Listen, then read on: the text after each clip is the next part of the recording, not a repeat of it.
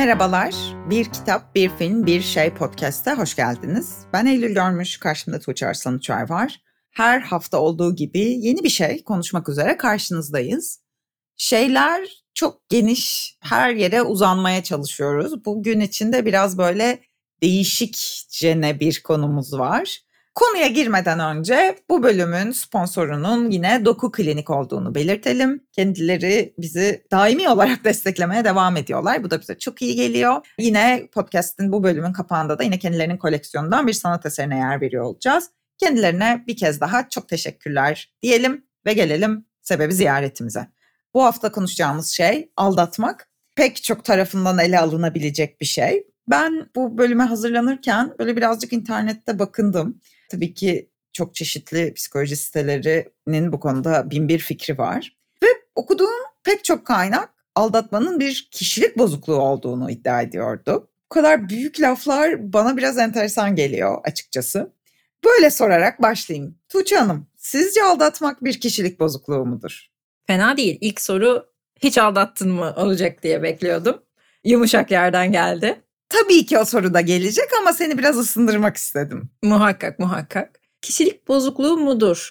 Şimdi tabii bilimsel bir temeli var ve o hani kişilik bozukluğuna gelme sebeplerini az çok tahmin ediyorum ama böyle münferit bir aldatma kişilik bozukluğu olarak tanımlayamam ben şahsen. Benim kafamdaki aldatmak öyle bir şey değil ama tabii bu sürekli olan bir şeyse ve böyle kişinin kendini kontrol edemediği, durduramadığı bir hale almışsa ki öyle durumlar da var yani o da böyle bir bağlanma problemiyle birlikte gelen ve kendisini artık bir ifade etme biçimi haline gelen aldatmalar evet yani böyle değerlendirince bir kişilik bozukluğu olarak görebilirim ama aldatmak kişilik bozukluğudur ünlem ünlem ünlem gibi bir şey canlanmıyor benim kafamda aldatmak deyince açıkçası. Peki ne canlanıyor o zaman diyeceksin buradan da. Tabii biz bugün aldatmayı birazcık romantik partnerler arasındaki aldatmak üzerinden alıyoruz. Tabii çok geniş bir kavram aslında. Yani kişinin kendi kendini aldatması, arkadaşlarını, çevresindekileri böyle alabiliriz ama biz biraz daha bugün sansasyonel bir yerinden alacağız aldatmayı. Onu da söyleyelim. Biraz daha sadakatsizlikle belki ilişkilendirdiğimiz bir yerden alacağız. Burada o sadakat bakmak lazım. Yani o sadık kalma sözünün bozulması olarak tanımlayabilirim sanırım ben. Bunu böyle bir hani bir evlilik yani bir toplum önünde, devlet önünde bir evlilik yemini olarak da olabilir ama aslında bir ilişkide de olabilir tabii ki. Hani hatta böyle belki burada evet yani ilişkinin hani tanımını çizmek de lazım. Çünkü diyoruz ya yani orada bir hani en azından iki taraftan ikisinin birbirine bir söz vermiş olması gerekiyor aldatmanın cereyan edebilmesi için. O yüzden de böyle bir hani bir o anlaşma zemininin bozulması olarak tanımlayabilirim. Bir de orada sevdiğim bir şey var. Bir başkasının gerçeklik duygusuna zarar vermek. Bence güzel bir tanım. Çünkü o o zemini çizerken ve altyapısını yaparken belki gerçeklik üstünden kurgulamak. Yani çünkü karşı taraf bunu bilmiyor ve bilmediği için de onun gerçeklik zemini bozuluyor. Herhalde ilk başta kafamda böyle bir şey canlanıyor aldatma deyince. Sen nasıl bir yerden bakıyorsun? Çok benzer yerlerden düşünmüşüz. Ben de sözleşmenin koşullarının aykırı davranılması gibi bir yerden tanımlamaktı benim de kafamdaki. Bu sözleşme evlilikteki gibi bir yazılı imzalı sözleşme olabilir ya da bir sözlü mutabakat olabilir. İki insanın birbirine tek eşle olma sözü verdiği durumda bir tarafın bu sözü ihlal etmesi meselesi. Ve evet bu gerçeklik meselesi önemli. Ben sanırım bu cümleyi daha önce aşkı konuştuğumuz bölümde de alıntılamıştım diye düşünüyorum. Yani not almıştım ama söyledim mi emin değilim. Bu çok sevdiğim Alain Badiou ile Nicolas Strong'un Aşka Övgü kitabında. Orada şöyle bir şey diyordu. Bence bunu bu aldatma ekseninde ele alabiliriz. Aşk tam anlamıyla bir olasılık değil, daha çok olanaksız olarak görülebilecek bir şeyin aşılmasıdır. Başlangıçta ilan edilen aşk aynı zamanda yeniden ilan edilmelidir. Bu yüzden aşk ayrıca şiddetli varoluş bunalımlarının kökenidir. Her gerçekliği bulma yöntemi gibi. Bu gerçeklik diye üzerinden tanımladığın şey bana bu cümleyi hatırlattı. Evet, aşk ya da sadakat yani sadakati de içinde barındıran bir aşk ilişkisi diyelim. İnsanın gerçekliğini bir biçimde yeniden tanımlamasını sağlayan bir şey. Böyle gerçekten düzlemini değiştiren, bütün varoluşunu biçimlendiren, ilişkilenmelerini, dünya ile kurduğu ilişkiyi, yalnız olmama, tek olmama, biz ikimiz sadece karşımızda bütün dünya gibi bir gerçeklik tanımlama hali. Ve evet aldatma bunu kıran bir şey. O gerçekliği bulma yöntemi diye tanımladığı aşka bu yüzden tam olarak bu yüzden zarar veren bir şey. O kurulu gerçekliği dönüştürdüğü için ve çok yıkıcı bir şey olabiliyor. Ama bir tarafıyla da şöyle bir soru sorma ihtiyacı da duyuyorum. Yani tek eşlilik çok zor bir şey bence. Ve orada oradaki şeyi sağlamakta insan güçlük çekiyor. Yani eğer insan bir aldatma arzusu duyuyorsa daimi olarak ve yani başkalarına başka türlü bir ilgi duyuyorsa ve eğer aldatmayarak yaptığı şey aslında mütemadiyen kendini aldatmaksa yani aldatmamak kendini aldatmak anlamına geliyorsa eğer aldatmalardan aldatma seçiyorsak insan kendine mi ihanet etmelidir karşısındakine mi? Yani soru buysa eğer ki pek çok yıkıcı ve karşı konulamaz aldatma arzusunun temelinde bu yatar aslında. O zaman ne yapmalı? Yani bu çok çok zorlu bir şey. Sen bana sormadan ben sana yanıt vereyim. ben hiç aldatmadım. Bu konuda çok eskiden ahlakçı diyebileceğim, sonradan artık benim bir parçam olmuş. Ahlakçılıktan arınmış ve bir şekilde özümsenmiş bir şeyim var. Ama hep burada durdum. Yani aldatmadım ve ayrıldım. Bunu yaptım birden fazla kere. Yani buraya geldiğimi hissettiğimde buradan sonrasında seçeneklerim ya karşımdakini aldatmak ya da kendimi aldatmak olacak dediğim anlar oldu ve oralarda risk alarak kendimi de garantiye almaksızın hani diğer taraftan ne olacağını bilmeksizin ama tamamen kendimle kurduğum ilişki üzerinden orada durdum. Tabii ki buradaki aldatmanın tanımı da fiziksel, cinsel ilişki filan gibi bir şey yani. Böyle zihinde olan şey o bambaşka bir şey. Ben tamamen fiziksel boyutundan bahsediyorum. Aslında zihnen aldatmış oluyorsun o aşamaya geldiğinde çoktan. Ama tabii buradaki tanımlar güç biraz. Böyle bir yerde bırakayım. Ve sana da tabii sormuş olayım madem öyle. Aldattınız mı? Güzel. Bekliyordum. Sonunda geldi konu. Ben aldattım. Ama yani buradaki o sanırım o işte Yazıklar o... olsun. Fizik... fiziksel ve zihinsel arasındaki o farktan da kaynaklanıyor. Yani zannediyorum ki o hani illaki fiziksele gitme boyutunu düşünmüyorum yani ben aldatmış olmak için. Bu arada eşim dinliyor hemen. Hiç evliliğimizle alakası olmayan bir konu. ben işte çok ara veriyorum, es veriyorum bu bölüme şu anda. Tuncay'a böyle bir şey söylüyordum. İşte aldatmak konuşacağız bu hafta ve orada bir anda böyle eşim beni aldattı gibi bir açıklama yaparsam ve dinlediğinde e, ne yaparsın dedim. O da dedi ki hemen siyah bir ekrana sosyal medyadan beyaz Times New Roman'la ismi geçen podcast'teki açıklamalar tamamen yanlıştır diye bir açıklama yayınlarım dedi. Neyse konumuza dönüyorum hemen. Evet buradaki aslında bir seçim yapmak tabii yani o seçim yani o özgür irade ve özgürlük alanları yani bunların hepsinin tanımlanmasıyla alakalı. Ve biri için doğru olan şey diğeri için de doğru olmak zorunda değil. Yani ilişkisel anlamda söylüyorum bunu. Her ilişkinin dinamikleri farklı çünkü. Buradaki o yani hani o anlaşma dedik ya en başta o anlaşmanın sınırları biraz belirleyici oluyor sanırım yani hani neyin aldatma neyin aldatmama olduğunu tanımlarken. Çünkü böyle söylemek istemiyorum ama bir taraftan da yani bakıldığında cinsiyetler bazında bakıldığında mesela erkekler için aldatma yani daha fiziksel Mesela fiziksel aldatmayı yani o sadece işte fiziksel bir ihtiyaçtı gibi tanımlamaya daha yatkınken erkekler. Kadınlar ama daha böyle duygusal tarafta da aldatmanın işte daha güçlü olduğu yani o anlamda kadınlar ve erkekler arasındaki aldatma tanımları da farklı ve yansımaları da farklı oluyor. Burada bir yani dürüstlüğü seçmek aslında yani o her gün hayatındaki kişiye karşı yeniden dürüst olmayı seçmekle alakalı bir şey. Zannediyorum ki sadakat ve aldatmamak yani. Ve oradaki denge belki de gerçekten senin dediğin gibi o iş zihinde bir noktada başladığı anda onun sonuçlarını görebilmek ve karşı taraftaki yansımasını kestirebilmekle alakalı. Çünkü bazen ilişkinin dinamikleri, yani ilişki dediğimiz şey sadece cinsellik üzerine kurulan bir ilişki değil. Çok bilinmeyenli, çok fazla içinde farklı farklı denklemler olan bir şey. O yüzden de bunu zannediyorum ki yani iki kişi ancak kendi arasında çözebilir. Yani burada biz ne büyük şeyler söylesek sonuca varamayız burada. Çoğu zaman tabii ilişkilerde böyle bir hayal kırıklığı için bir çıkış yolu olarak düşünülüyor aldatma ve buradan da doğuyor ve o hayal kırıklığına bakmak gerek diye düşünüyorum ben. Yani oradaki hayal kırıklığı çünkü o ilişkinin içinde olmaktan doğan bir hayal kırıklığı mı? Yoksa yani bazen karşı tarafla ilgisi de olmayabilir gerçekten. Belki sadece bizimle alakalı, bizim o ilişkinin içerisinde olmamızla ilgili olan bir hayal kırıklığı. Ve aldatmak orada bir çıkış yolu olarak düşünülse de çoğu zaman bir çıkış yolu olarak da neticelenmiyor. Yani bir çıkışa varmıyor. Böyle olunca da hani aldatmak işte o dediğimiz o kişilik bozukluğuna giden sonuçlar doğurabiliyor orada. O çıkışsızlık yaratıyor bence onu. Şöyle bir şey var. Şimdi hayal kırıklığının ben de şöyle bir yerden ele almak istiyorum. Ya biraz değil epey toplumsal bir, bir şey bu. Yani çok böyle stigmatize edilen, şeytanlaştırılan bir şey aldatmak. İnsanlar birbirlerine pek çok farklı biçimde ihanet edebiliyorlar, ederler. Ve fakat bir biçimde aldatmak bir tür tabuya dönüştüğü için sanki böyle o bedensel şey yapılabilecek en korkunç ihanetmiş gibi bedeni paylaşmak. Ben bunun biraz problemli bir şey olduğunu düşünüyorum. Çünkü şöyle yani ben aldatıldım da onu da söyleyeyim. Aldatmadım aldatıldım. Ve fakat geri dönüp evet o ilk anda çok yakıcı bir şey olduğu şüphesiz. Ama böyle hayatta geri dönüp canımı yakan şeylere baktığımda o aldatmaları en tepede hatırlamıyorum.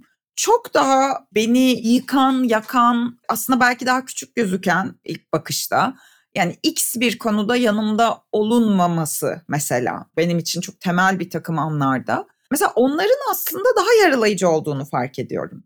Ama öyle bir öğrenilmişlik var ki yani böyle işte bana şunu yaptı, bunu yaptı, şöyle dedi, şöyle bir anda bu, bunu dediğim şeylerde insanlar dinleyici mesela bir üçüncü kişi bunu dinlerken çok daha şey durabilirken bir de aldattı dediğinde filan oluyor. Yani halbuki orada ben çok daha ağır bir şeyler anlatıyorum belki. Ama işte aldatmanın öğrenilmiş bir şey de var. Yani suç bir insanın bir insana karşı işleyebileceği en büyük suç gibi. Halbuki öyle olmak zorunda değil.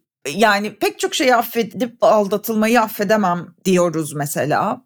Öyle mi olmalı? Emin değilim ben bundan yani. Orada çok başka şeyler var.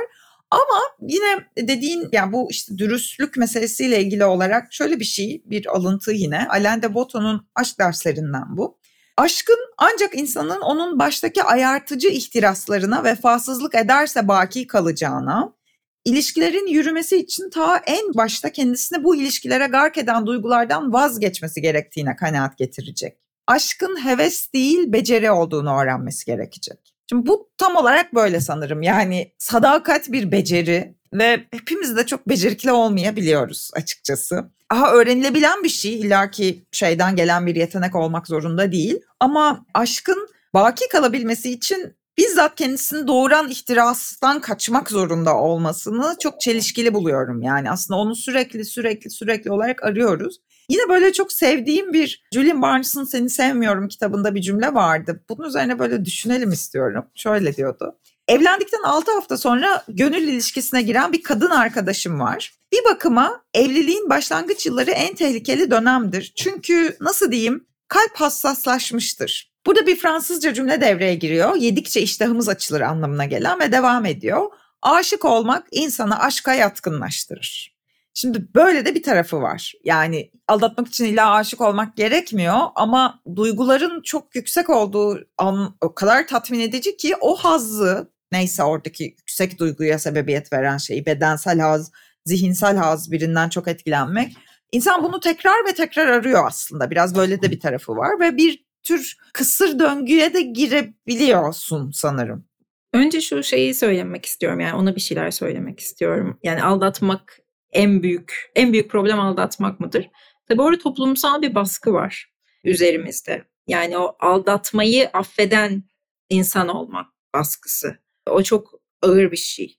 Yani hani özellikle de bağımsız bir kadınsan, kendine yeten bir insansan sen nasıl aldatmayı affedersin gibi bir şey. Yani hani o kendi içinde yaşadıkların yetmezmiş gibi yani yetmezmiş derken hani etkilenen bir insan için söylüyorum bunu. Herkes de o denli etkilenmek zorunda değil. Yani onun da baskısını oluşturmayalım kimse de. Ama orada bir sen nasıl böyle bir şey affedersinin yükü çok ağır oluyor. Ve oradaki o aldatmanın aslında öyle yaşanabilecek en kötü şeymiş gibi hissedilmesinin çoğu zaman da sebebi bu oluyor bence. Onu orada bırakıyorum. Diğer o büyük duyguların büyük duyguları çekmesiyle alakalı olarak da öyle mi emin değilim yani evet tabii ki öyle yani hani o bir hazzı yaşamak, doruklarda yaşamak, sevgiyi doruklarda yaşamak tabii onu başka yerlerde de bulabileceğinin fark edilmesine, anlaşılmasına sebep olur bir yerde ama sanki bu evliliğin ilk yıllarının daha çetrefilli geçmesi bana kaybedilenlerle henüz yüzleşememiş olmaktan dolayı öyleymiş gibi hissettiriyor. Çünkü o kaybedilenler derken tabii ki şöyle bir şey var. Yani yani bir anda böyle tek başına olduğum bir hayattan ister istemez birine ilişki uzun bir ilişkin içinde olsan dahi daha bağlılıkla doğan ve işte daha aynı evin içerisinde daha iki tarafın sınırlarını belirlediği bir şeyin içerisinde buluyorsun kendini ve onunla zannediyorum ki barışman birazcık vakit alıyor.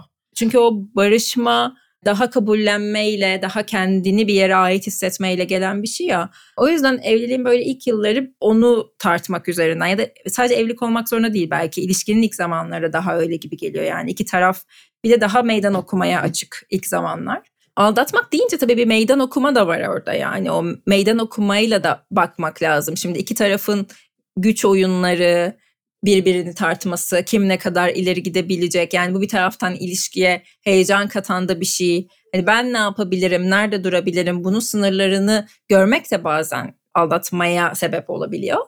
Ama tabii bunun bir noktasını ve dengesini bulamazsak bu tamamen aslında bir otorite figürünün altında olmaktan hani rahatsız olmak veya üste çıkmak yani iki tarafta da olabilirsin. Bu böyle problemli bir hale de gelebilir tabii. Ya öncelikle bu toplumsal tarafı sen dedin ya işte kadın özellikle bizim kuşağımızdaki ve bizim çevremizdeki kadınlar için işte hani nasıl affettin? Yani ezik misin falan o kadar muhtaç mısın? Seni aldatan adamla falan.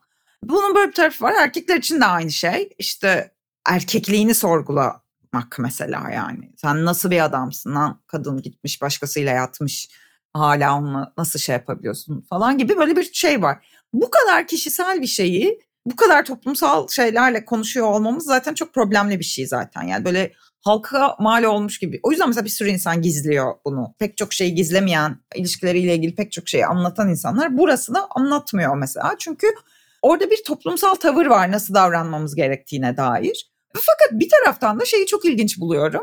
Ya mesela edebiyatta, sinemada çok sık karşımıza çıkan bir konu bu. Ve oralarda olunca gayet şeyle yargılamadan izleyebiliyoruz mesela ben içinde aldatma olmayan Fransız filmi var mıdır bilmiyorum gibi bir şey söyleyeceğim neredeyse yani. Tabii abartarak. Dolayısıyla bunun böyle bir tuhaf bir şeyi var yani. Bir taraftan böyle sanatta meşru, gerçekte tükaka gibi bir durumu var. Bunu çok ilginç buluyorum. Bir bu. İkincisi ya şu çok temel bir arzu. İnsan makbul olduğunun daimi teyidine ihtiyaç duyan bir varlık. Ve bunu tek bir kişiden sağlamak bir noktada çok zor hale geliyor. Yani arzulanabilir, ya görülme ihtiyacı bunu daha önce de çok konuştuk. Görülmek istiyor insan. İşte bütün sosyal medyada yaptıklarımız da bunun bir parçası. İşte alkış almak, övülmek, beğenilmek, takdir görmek, terfi almak bunların hepsi aynı yere varıyor aslında. Hayatta sürekli olarak iyi olduğumuzu, becerikli, mahir, makbul olduğumuzu işte görme ihtiyacı duyuyoruz. Ve aslında aldatmaların pek çoğu da bence oradan yani başkası tarafından da arzulanabilir. Yani arzu diye hissettiğimiz şey sıklıkla aslında arzulanma arzusunun bir tezahürü olabiliyor. Dolayısıyla ben ya mesela şöyle bir duygunun pek çok insanı aldatmaktan alıkoyacak en temel şey olduğunu düşünüyorum. Ama içtenlikle böyle hissedilen bir duygunun. Ya ben istesem zaten bu kadını, bu adamı elde edebilirim. Etmiyorsun bunu bildikten sonra. Yani o şeyi hissettiğinde bambaşka yerlerden de beslenen bir şey o. Yani tamam bu kadın bu adam beni istiyor beraber olduğunuz insandan bahsediyorum. Bu çok tatmin edici bir şey ama tabii ki tek başına yeterli olmuyor. Olmuyor yani bu çok anlaşılır bir şey bence. Başkalarından da bu konfirmasyona ihtiyaç duyuyoruz. Ve bunu bilmek istesem zaten falan. Ve sonra şöyle bir şey geliyor. Ama ne uğraşacağım? Yani gerçekten eminsen hani olacağını bilmek yetiyor bana sorarsanız. O yüzden de sanıyorum gerçekten mutlu ve tatmin olan insan daha az aldatıyor diyebilirim. Yani bu bence aldatmak evet dediğin gibi bir iktidar ve şey tarafı var. Ama aldatıp aldatmama kararını vermemizi sağlayan şeyin o iki insan arasındaki şeyin çok ötesinde bin bir tane dinamiği olduğunu düşünüyorum. En temelde de insanın kendisiyle ilişkisi ve toplumla kurduğu ilişkiyle ilgili bir şey. Dolayısıyla şuraya geleceğim. Yani aldatılma fobisi diye bir şey var pek çok insanda ve aldatıldıktan sonra bir süre insan onun içinde duruyor gerçekten. Sürekli aldatılacağına dair bir şey duyuyor. Bunu engellemek için bir şeyler yapmaya çalışmak. Mesela ya işte ne bileyim ben olduğundan daha güzel olmaya çalışmak. Kadınlar özellikle kafayı yiyip böyle çok acayip işlere girişebiliyorlar yani kendilerini daha çekici kılmak için. Bir uçta bu, diğer uçta da bir kontrol deliliği. Her şeyi kontrol etmek, mesajlarına bakmaya çalışmak, sürekli şüphelenmek falan. Bunlar çok sonuçsuz sonuç vermeyecek işler. Çünkü dediğim gibi aldatmak ya da aldatmamak iki insanın arasındaki ilişkinin çok ötesinde şeylerle belirlenen bir şey bence. Belki hani bu bölümü dinleyenler arasında bu tür kaygılar yaşayan birileri varsa belki biraz bunu duymak iyi gelir diye düşünüyorum. Evet.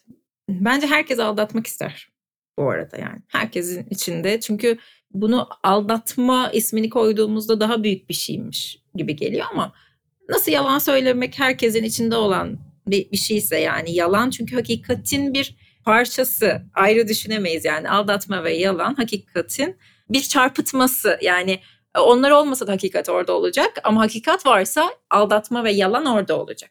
Ama senin dediğin gibi bizi aldatmaya götürüp götürmemesini yani süreç aldatmaya ya da işte yalana varıp varmamasını belirleyen şey aradaki bağ.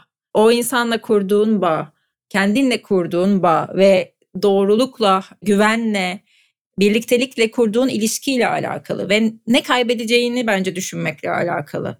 Bunu yaparsam bunun bir sonucu olacak, bunun bir bedeli olacak ve ben bu bedeli ödemeye hazır mıyım? Ne için bu bedeli ödüyorum? Şöyle bir araya girip şöyle bir şey söylemek istiyorum. İşte sonuç meselesi. Ben eminim ki yani pek çok insan, insanların %99.9'u diyeyim hatta. Şöyle bir garanti verilse asla bir sonucu olmayacak. Yani biriyle beraber olacaksın, yatacaksın ve yani işte ne bileyim paralel evrende gerçekleşiyor gibi düşün. İçinde bulunduğun dünyaya hiçbir sonucu olmayacak. Asla haberi olmayacak karşındakinin.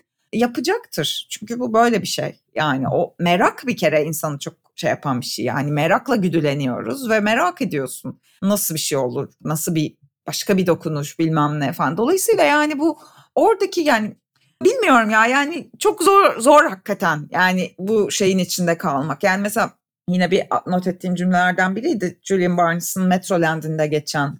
Şu ana değin karımla sevişmekten hala zevk aldığım için mi? Parantez neden hala dedim. Ona sadık kalmıştım. Sadakat yalnızca cinsel hazzın bir işlevi miydi? Bence değil mesela olmamalı. Eğer arzu azalırsa ya da Timor mortis Latince ölüm korkusu demek baş gösterirse o zaman ne olacaktı? Bir de bu var tabii. Yani ölüm korkusu andropoz dediğimiz şeyin mesela tam olarak oradan yani andropoza girince erkeklerin şey yapması tam o ölüm korkusunun baş göstermesiyle beraber bir bir başka bir hal geliyor. Yani dolayısıyla zor işler bunlar.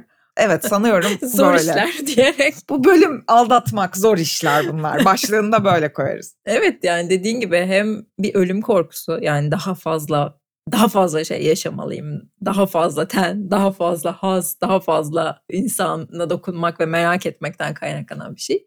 Bir de yine bahsettiğim gibi o gücü de kaybetmekle alakalı ya yani artık daha fazlasını yapamayacağım hissim ya da işte genelde er, erkekler üzerine örnek vereceğim ama erkek olmak zorunda değil tabii ki iki taraf için de geçerli.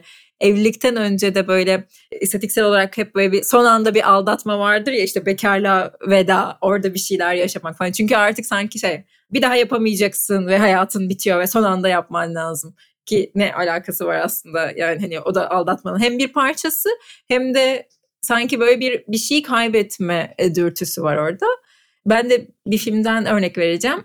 Arno Despleché'nin Aldatma diye bir filmi var. Yani bayağı aldatmaya yazılmış. Yani aslında bu tamamen haz, cinsellik ve aldatma temalarını çok fazla dürten biraz böyle şey tabii ki bir Fransız filmi efendim. Fransızlar bu konuya malum hem çok kafa yoruyorlar hem de aslında da bir taraftan da kültürel olduğunu da anlıyoruz yani burada. Çünkü bizim kafamızdaki aldatmak ve çoğu zaman oradaki aldatmak aynı şey değil yani. O da bir gerçek. Aldatma diye bir filmi var. Orada böyle çok teorik bir şekilde açıyor bunu tartışmaya yani bu aldatma meselesini. Onu böyle izleyebilirsiniz. Yine böyle bir çifte hayatları W'yi yapmıştım. Olivia Assayas'ın filmi o da. Orada da böyle çiftler yani birbirlerini aldatıyorlar. Hem kadın aldatıyor, erkek aldatıyor. İşte birbirleri arkadaşlarıyla aldatıyorlar. Tabii yine bir Fransız filmi. Belirtmeden geçemeyeceğim. Orada tabii biraz şey de var yani artık günümüzde geldiği noktada belki aldatmayı başka bir yerden de düşünmek lazım. Yani şimdi sosyal medya üzerinden bir aldatma gerçekliği var. Eskiden belki gerçekten hani cinsel ilişki kurmak üzerinden kurabileceğin ya da işte ofiste biriyle aldatmak, dışarıda biriyle aldatmak üzerinden kurgulayabileceğin kocaman bir kavram. Şu anda dijital ekranlarımız üzerinden yürüyen bir şey haline geldi. Ve o yüzden aldatmanın tanımı ve sınırları da çok bulanıklaştı yani. Şimdi başka bir kadının fotoğrafına işte like atmak tırnak içerisinde bile bir aldatma sayılabilir hale gelebilir bazı durumlarda. Alev atmak var bir de. Alev, Alev atmak, var. net aldatmak mesela. Yani. Alev atmak evet. Özellikle fotoğraf yani fotoğrafın içeriğine de bağlı olarak değişebilir. Haklısın net. Yani şimdi bu, bu tabii böyle bir bambaşka bir boyut açtı hayatımızda. O yüzden şey hani tabii biz burada böyle bir sonuca varmak gibi bir niyetimiz yok ama sınırları da çok belirsizleşti zannediyorum ki aldatmanın iyice. Katılıyorum. Yani alev atmak üzerinden gideyim. Yani ne demek o? Seni arzu uyandırıcı buluyorum demek en nazik ifadesiyle. Çok nazik ifade ettim. Şimdi bu mesela bir insanın bir insana söyleyip bir sonucu olmamasını bekleyebileceği bir şey midir? Tabii ki değildir. Hani oha filan gibi bir, bir şey. Bu arada araya giriyorum. Şu an çok yaşlı bir yorum mu yapıyoruz? Z jenerasyonları dinliyorsa gerçekten söylesinler. Yo alev atmak hiç öyle bir şey değil diyebilirler gibi hissediyorum şu an. Olabilir tabii. Ben bayağı böyle ya çüş falan gibi bir duyguyla ve mesela 40 yılda bir ya benim sosyal medya hesabım çok kontrollü yürüttüğüm bir şey ama mesela hiç tanımadığım biri falan böyle öyle bir şeye cüret ettiğinde anında engelliyorum. Pardon ne münasebet falan gibi bir duyguyla. Burada şöyle bir şeye gelmek istiyorum son olarak. Buradan da artık filmlere, kitaplara geçeriz toplu halde. Yani oradaki yıkıcı şey başta konuştuğumuz yere geleyim. Gerçekliğin değişmesi meselesi. Bence buradaki işte mesela Fransızlar ve bizle ilgili söylediğin ayrım da oradan biraz alınabilir diye düşünüyorum. Aldatmayı yıkıcı kılan ve gerçeklikle ilişkimizi bozmasına sebebiyet veren şey bir mahrem yitimi gibi bir şey bence. Yani bir insanın en mahremini, en mahremini açtığın insanın kendi mahremini başkasıyla paylaşması hali çok yıkıcı geliyor insana. İşte burada bizim kültürel olarak, toplumsal olarak mahrem tanımımızla ilgili bence mesela. Biz bedeni her ne kadar işte ne bileyim mesela dini açıdan mesela inançlı olmayan insanlar dahi içinde yaşadığımız toplum itibariyle en mahrem şeyi beden olarak kabul ediyoruz. Ve beden paylaşımı insanı çok şey yapıyor. Halbuki insanın çok daha mahrem şeyleri olabilir. Yani bir duygusal paylaşım yani böyle çok özel bir şeyini başka birine açmak çok daha büyük bir mahremini paylaşmak anlamına gelebilir. E o zaman bu da aldatmak olur ya da diğeri aldatmak değildir. Böyle bir yere geliyor. Yani hani aslında yani insanın hayatta 10, 20, 30, 40, 50, 100 kişiyle yapabileceği bir işte 15 dakikalık bir girme çıkma işlemi gerçekten böyle tanımlayacağım. Dan çok daha mahrem olabilir. Birinin zihnine kalbine alma hali. Yani oraya girmesine izin vermek. Dolayısıyla bu biraz bence yıkan kısım o mahrem meselesi ve mahremi nasıl tanımladığımıza göre de aldatma ile ilişkimizin değiştiğini düşünüyorum.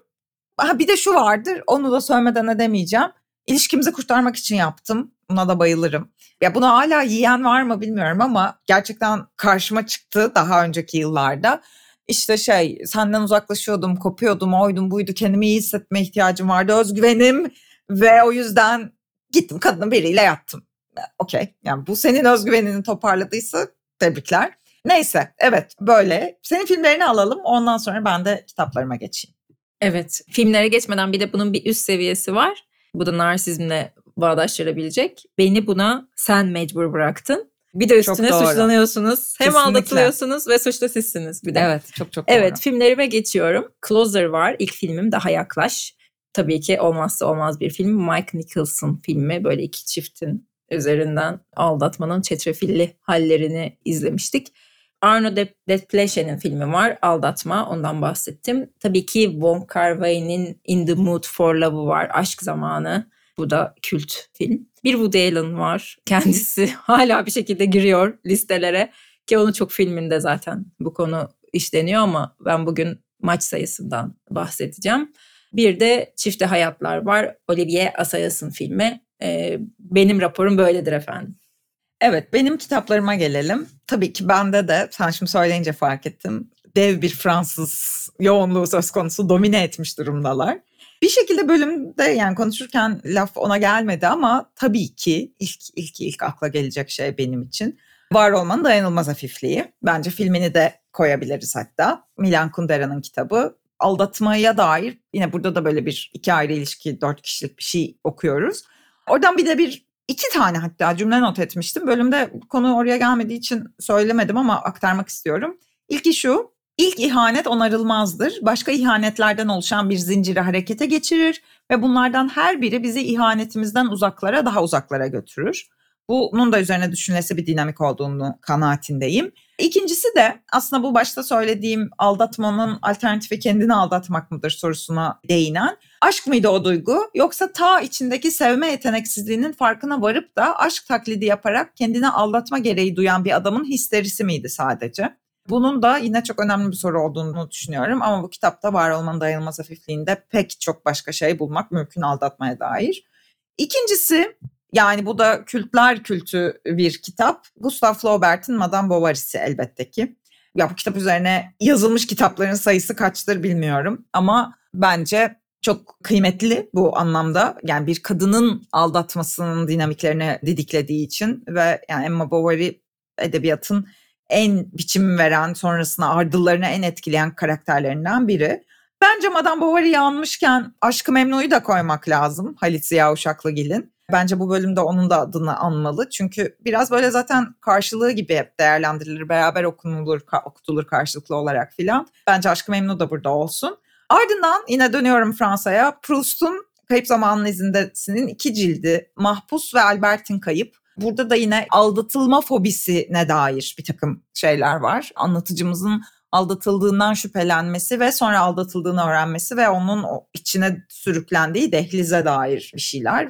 Bence çok güçlü iki cilttir ikisi de. Son olarak da Perulu yazar Mario Vargas Llosa'nın üvey anneye övgüsü var. Bu da böyle artık iyice biraz da uçlara gideyim diye üvey annesini yani babasını üvey annesiyle aldatan bir gencin anlatımı. Herkes herkese aldatıyor yani aslına bakarsanız. Biraz böyle zorlu ama çok güçlü bir kitaptır. Orada bir Faust'tan bir alıntı vardı o kitapta. Kim ki olanaksızı ister ona vurgunum diye çocuğun motivasyonunu şey yapmak üzere. Biraz aldatmada da böyle bir şey var bence işte sen senin söylediğin sınırları zorlamak, ileri gitmek, olanaksızı bulmak vesaire gibi. Bu kitabın bir de devamı var. Don Rigoberto'nun not defteri, aldatılan adamın babanın notları. Bunu henüz okumadım.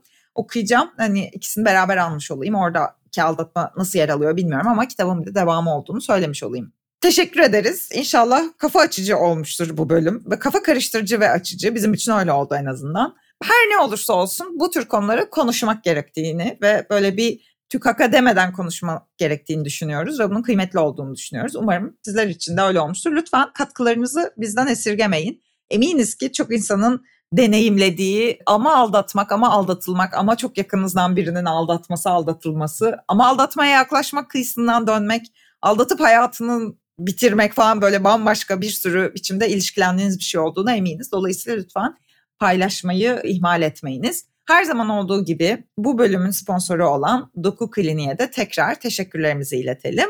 Destekleri bizim için çok kıymetli. Önümüzdeki hafta yeni bir bölümde görüşmek üzere. Yeni bölümden evvel de unutmayınız ki bu bölümde geçen bütün kitap ve filmlerin listesini Instagram hesabımızda bulabilirsiniz. Herkese çok teşekkür ederiz ve şimdiden mutlu hafta sonları dileriz. Çok teşekkür ederiz. Görüşmek üzere.